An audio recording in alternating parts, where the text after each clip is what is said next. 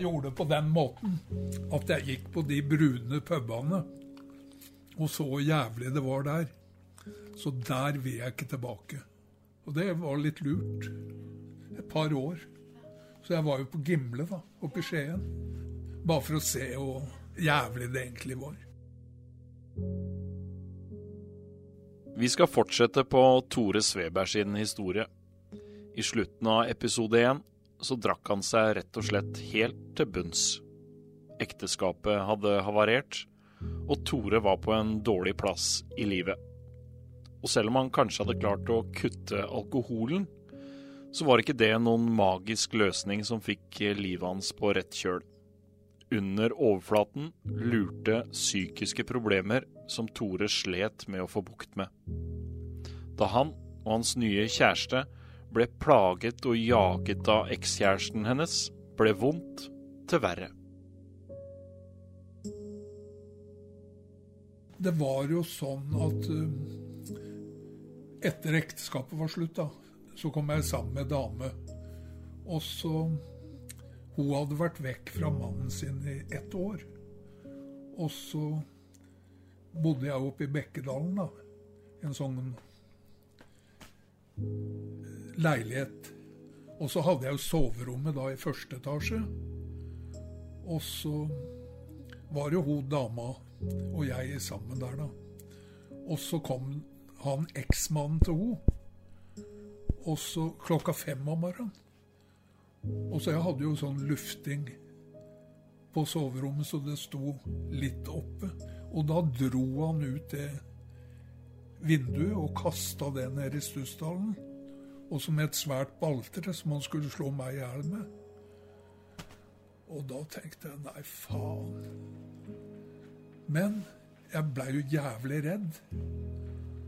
Og så sier jeg til da at gjem deg under dyna så han ikke ser deg. Og så Så var jeg redd, men plutselig så var jeg ikke redd. Så gikk jeg mot han. Og så sier jeg det, hvis ikke du kommer deg vekk herfra nå, så skal jeg ta deg noe jævlig. Og da stakk han. Det er rart, det der.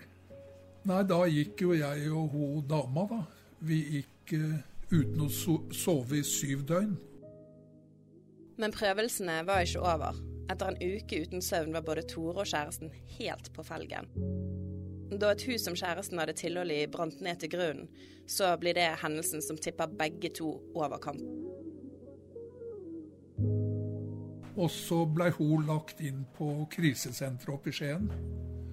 Og så var jeg og mora hennes oppe og besøkte henne der, da. Og da fikk jeg lov til å komme inn der, for mannfolk hadde ikke lov til å komme inn der på det krisesenteret. Men jeg kom inn da, og så satt jeg på kontoret til sjefen der. Så sier hun det, nå må du gå til legen. For et par døgn til, så tørner du. Tore tok det legebesøket.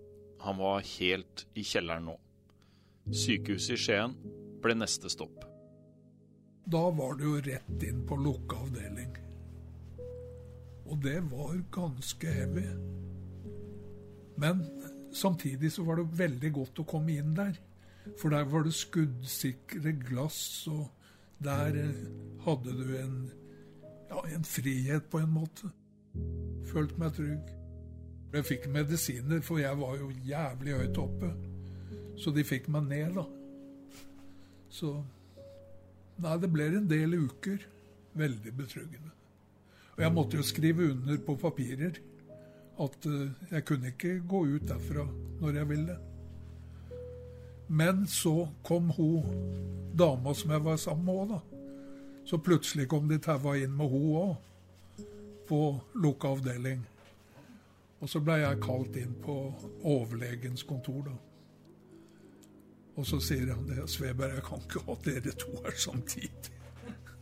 Nei, det forstår jeg. Da får hun min plass. Så drar jeg hjem. Og sånn ble det. Fra lukket avdeling går turen hjem til Kragerø igjen, hvor Tore skal prøve å starte et normalt liv. Men det var ikke så lett. Tryggheten han hadde følt på psykiatrisk, var ikke der lenger. Nei, det var egentlig litt jævlig. For jeg følte meg godt til rette der. Det var fint. Men når jeg kom hjem, så var det ikke bra. Da var det veldig vanskelig. Jeg satt fakta inne i to og et halvt år og torde faen ikke gå utafor døra. Redd, ja. Angst. Og jeg satt i trappa for å Når avisbudet kom For jeg var tidlig, og avisbudet kom tidlig. Og når jeg så han hadde vært borti kassa, så gikk jeg ut. Og da var det ikke noen andre folk der. Og da henta Thea og KV, da. Men jeg fikk jo folk til å hjelpe meg for å handle og sånn, da. Jeg måtte jo ha mat. Men jeg har tenkt på at herregud, at du greide det der. At du ikke tørna helt. At du ikke havna på fylla, ikke minst. Men da tenkte jeg faen, det ene går ikke lenger. Da tror jeg jeg gjør det slutt. Og så lina jeg opp hele greiene så alt var klart. Og så gikk jeg opp på et annet rom, og så ba jeg til Gud. Og sa at nå må du faen meg gripe inn der. Og da gikk det greit. Jeg sitter jo her. Og så sier jeg til Jeg traff prosten. Så sier jeg til han hvis du hadde stått utafor vinduet mitt når jeg ba til Gud, så hadde du fått sjokk, for jeg banna så jævlig. Heldigvis klarte Tore å snu i tide. Han la bort planen om å ta sitt eget liv. Etter jeg hadde vært på det rommet, da, så gikk jeg jo ned, og da tok jeg vekk de sakene som jeg hadde tenkt å bruke. da. Og da var det greit. Så tenkte jeg nå skal jeg prøve å gå til byen. Og det gjorde jeg. Og så kom jeg ned ved apoteket, og så så jeg masse folk på torvet. Og fikk jo helt hetta. Og løp hjem igjen. Og jeg var så glad når jeg kom innafor døra. Så det var første forsøk. Tore satt inne måned etter måned. Døtrene prøvde flere ganger å finne på ting for å få ham med ut. Til slutt skulle det gå. Et tilbud om en tur til hovedstaden får han ut av døren. Om så bare den ene gangen. Og så var det yngstedattera mi, da, Kari. Hun så jo åssen det ena gikk. Så tenkte jeg må jeg gjøre noe. Og så kom hun, og så skulle hun ta meg med til Skien, da.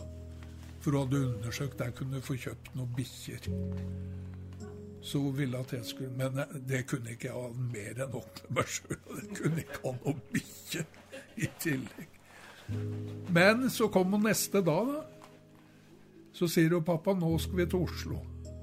Å herregud, hva skal vi gjøre der? Jo, vi skal kjøre, kjøpe maling og lerret. Og sånn var det.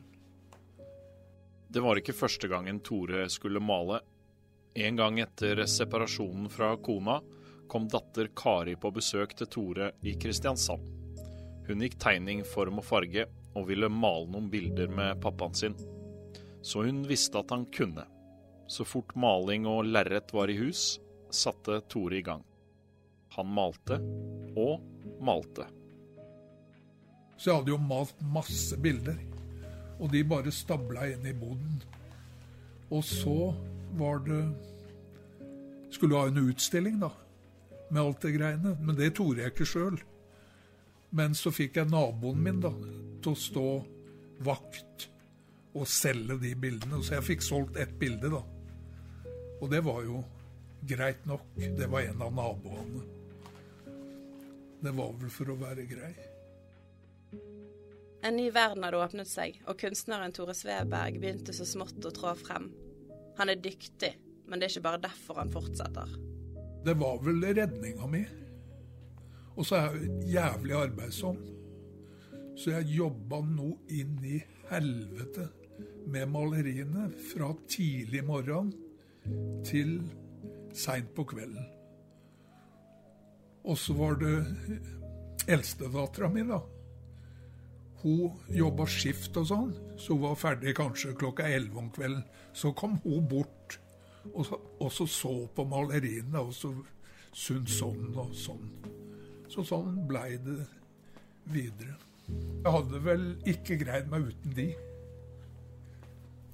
for å si det sånn. Så de har vært en veldig støtte, både Elin og Kari. En av grunnene til at Tore klarer å male så mye og er så arbeidsom, er diagnosen han har bipolar. I perioder er han så langt oppe at han ikke klarer å slutte. Han maler fra han våkner til han legger seg, og står fort opp igjen for å fortsette. Jeg tror den er med å gjøre det veldig bra. Jeg tror det. Du ble jo jævlig kreativ når du er oppe, vet du. Så det er jo helt enormt. Jeg kan jo være oppe i seks måneder, jeg. Men da ber jeg til Gud om å få lov til å komme ned igjen. For det er ganske heavy å være der. For du holder på i et jævlig kjør. Men når du er nede? Nei, da blir det ikke noe særlig. Men det blir litt da òg, men det ble ganske svarte bilder. Men jeg har jo en del av de bildene som jeg malte når jeg var på det kjøret og satt inne. Og de er jævlig bra. Jeg greier ikke å lage sånne bilder nå. Helt umulig. Jeg ser på de. Ja, jeg, ja jeg, nå sier jeg Jeg skryter egentlig av meg sjøl, da. Men, men, det har ikke noe med det å skryte. For det har noe med det at det var den eh, perioden, for å si det sånn. Til slutt så var det faktisk kunsten som tok han ut av isolasjonen. Nei, det var vel av maleriene. For du fikk jo litt sånn at du Ja, hva skal jeg si? At du blei litt glad, da.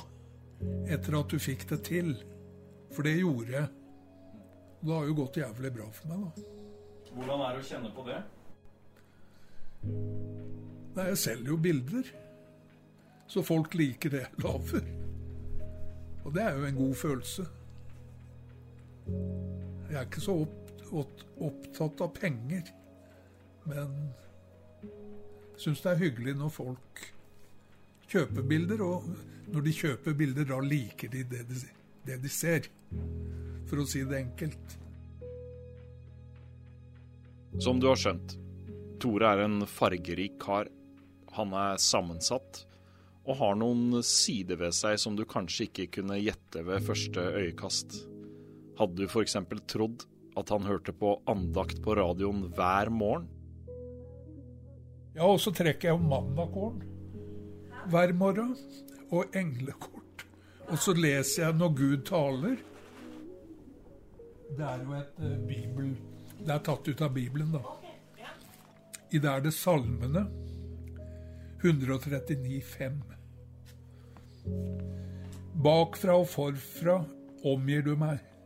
Du legger din hånd på meg. Du skal få englekort òg, da. Vi er jo engler. Ha tillit til den mektige livskraften.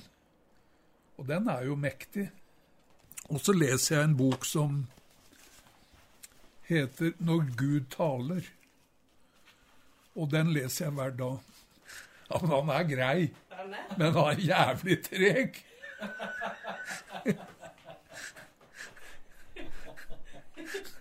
Hvis du ber om noe, da, så er, så er han noe jævlig treg før det blir noe. Men nå har jeg Skal vi se, det er jo litt artig, da. Nå har jeg 14 på lista som jeg ber for. Også, ja, også alle sosiale lag, egentlig. Jeg ber om morgenen mest. Og så hører jeg på andakten og tar det sammen med det, da. Så kan jeg fortelle en episode. Jeg ba om at jeg skulle få en kjæreste. Og så søstera mi. Hun var eh, direktør for Norlandia-kjeden. Og de hadde et hotell oppe på Ustadhuset. Og så inviterte hun meg dit på nyttårsaften. Og så tenkte jeg faen, nå får jeg bli med på det. Jeg hadde ikke og Og så dro jeg opp da, en dag før de. Og så satt jeg opp på rommet da, og så på TV. Så tenkte jeg nei, faen, jeg kan ikke besitte den, så jeg får ta en tur ned i baren. Og så gikk jeg ned i baren og så kjøpte jeg en cola. da. Og så mens jeg satt der, og så kom det en dame. Og så sier hun 'Hva en interessant person. Ja, takk for det, sier jeg. Og så satt hun vel et kvarter der, og så gikk hun. Og så kom hun tilbake etterpå, og så sier hun du må hilse på venninna mi. Ja, bør jeg det, sier jeg. Ja, det syns hun at jeg burde. Og så kom jeg bort til det bordet de satt ved, da. Og da var det sånn. Det var full rulle med en gang. Pussig. Og da hadde jeg bedt. Så kanskje i fire-fem år. Så derfor mener jeg han er for treg.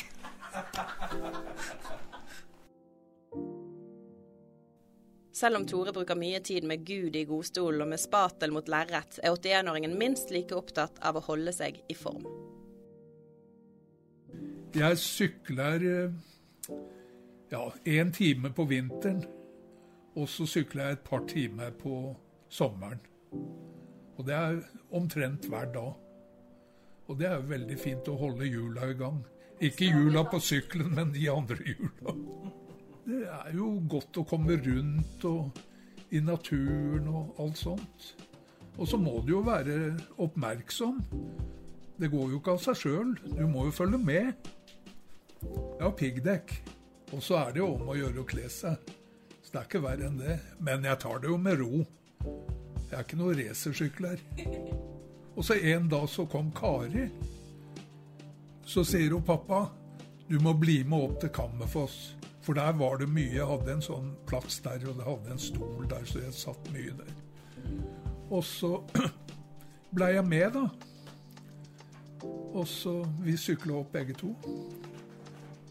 Faen også det der bordet som sto der, da, som de hadde satt opp for meg. Og der var det flagg og kake og blomster, og det var ikke måte på. Så tenker jeg, sa jeg til Kari, det er sikkert noen som har selskap her. Så sier Kari bli med bort her. Og så sto det Tore Svebers plass.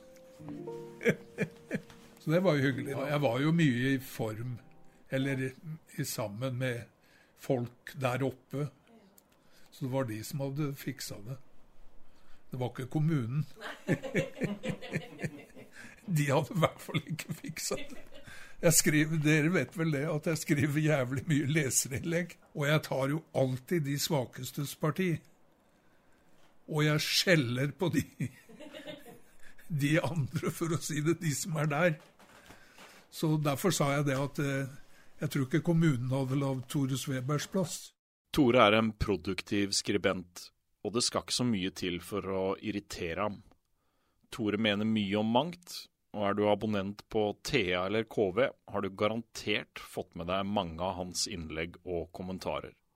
Det er egentlig ganske enkelt, for jeg irriterer meg, og da er det en måte for å få det ut pussig. Men det er jo egentlig nokså naturlig, da. Men det var når Vestmar var, da, så var det en som sa det. Du skal få 5000 kroner hvis du finner en avis som ikke Tore Sveberg er Men det er ikke bare leserinnlegg. Tore er der det skjer, og han svarer på de spørsmålene han får. Og han blander seg om det noen engasjerer seg i. Han elsker oppmerksomhet, og klipper sirlig ut alle de spaltene han har fylt i avisen, og setter det i permer. Hele ti A3-permer har det blitt. De ligger stablet under en sofa i finstuen. Det tror jeg har noe med det at jeg har vært på et barnehjem og ikke ble sett. Jeg tror det er eh, grunnen. Dere kan jo sjøl tenke dere. Dere sitter i en krok og ikke blir sett, og så plutselig så kommer du ut, og så ligger jo det faenskapet i deg. Og da må du ut. Og jeg må jo ha det ut for å roe meg ned. Ikke sant? Han har med seg masse bagasje fra et langt liv. Han har opplevd mye, og støtt på livskriser han har måttet takle og komme seg gjennom. Men selv om Tore har rundet 80, han blir faktisk 82 i april, er han langt fra ferdig med livet. Han er fortsatt engasjert, og han finner fortsatt glede i å stifte nye bekjentskaper. Jeg satt på biblioteket, og så kom hun bibliotekaren med noen sånne sirupsnipper. Og så, så, sier jeg nei, faen, jeg kan ikke ha det, jeg, for jeg får ikke stoppa igjen. Det var en svær boks. Og så gikk hun inn igjen, og så hadde hun tatt oppi en plastpose. Så sier jeg jeg kan ikke, for jeg bare holder på. Og det har sånn med alkoholen òg. At du gir deg faen ikke før du ligger der, vet du. Og så satt det ei dame inni en krok der. De er jo sånne kroker som du kan sitte for deg sjøl og lese. Og, og så gikk jeg bort til henne, da. Og så spurte om hun kunne ha de. Ja, så blei det sånn, da. Så blei vi faen meg sittende og prate i fire timer. Og, og så inviterte jeg hit, da. Og så blei vi sittende og prate her i seks timer. Og så var det nå om søndag, for jeg inviterte henne på middag. da. Så vi dro opp på Søndled. Det er en sånn Kina-restaurant. Og så var det hjem, for hun hadde bakt en sånn banankake. da. Så dro vi hit, og så fyrte vi opp på peisen. Og hyggelig med flammer. Og så Ja, sånn blei det. Men det er ikke noe sånn kjæreste. Men det har blitt en venninne. Eller god venn. Har blitt en god venn. Så vi skal til Jomfruland til onsdag, og da skal vi ha tur-retur. Og så går vi og kjøper noe, eller jeg har kjøpt bagetter, og det vil jeg foreslå for henne òg. At vi går ned og kjøper bagetter, og så en cola. Og så har vi det om bord, for den kiosken er ikke oppe nå. Så det er en fin tur. Du, men du flørter litt og får nye venner fortsatt, da? I en alder av over 80 år? Ja, hun er jo litt for gammel, da. Er hun for gammel? Ja. Hvor gammel er hun, da? 40. Jeg orker ikke.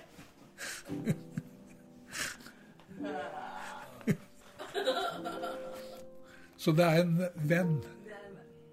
Den er grei. Ja.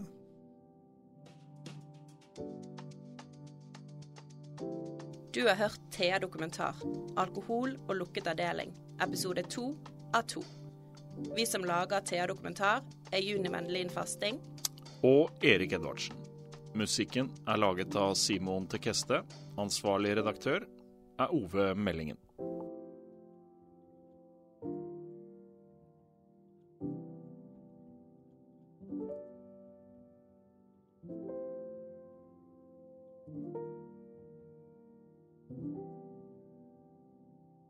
Har du et enkeltpersonforetak eller en liten bedrift? Da er du sikkert lei av å høre meg snakke om hvor enkelt det er med kvitteringer og bilag i fiken, så vi eh, gir oss her, vi. Fordi vi liker enkelt. Fiken superenkelt regnskap.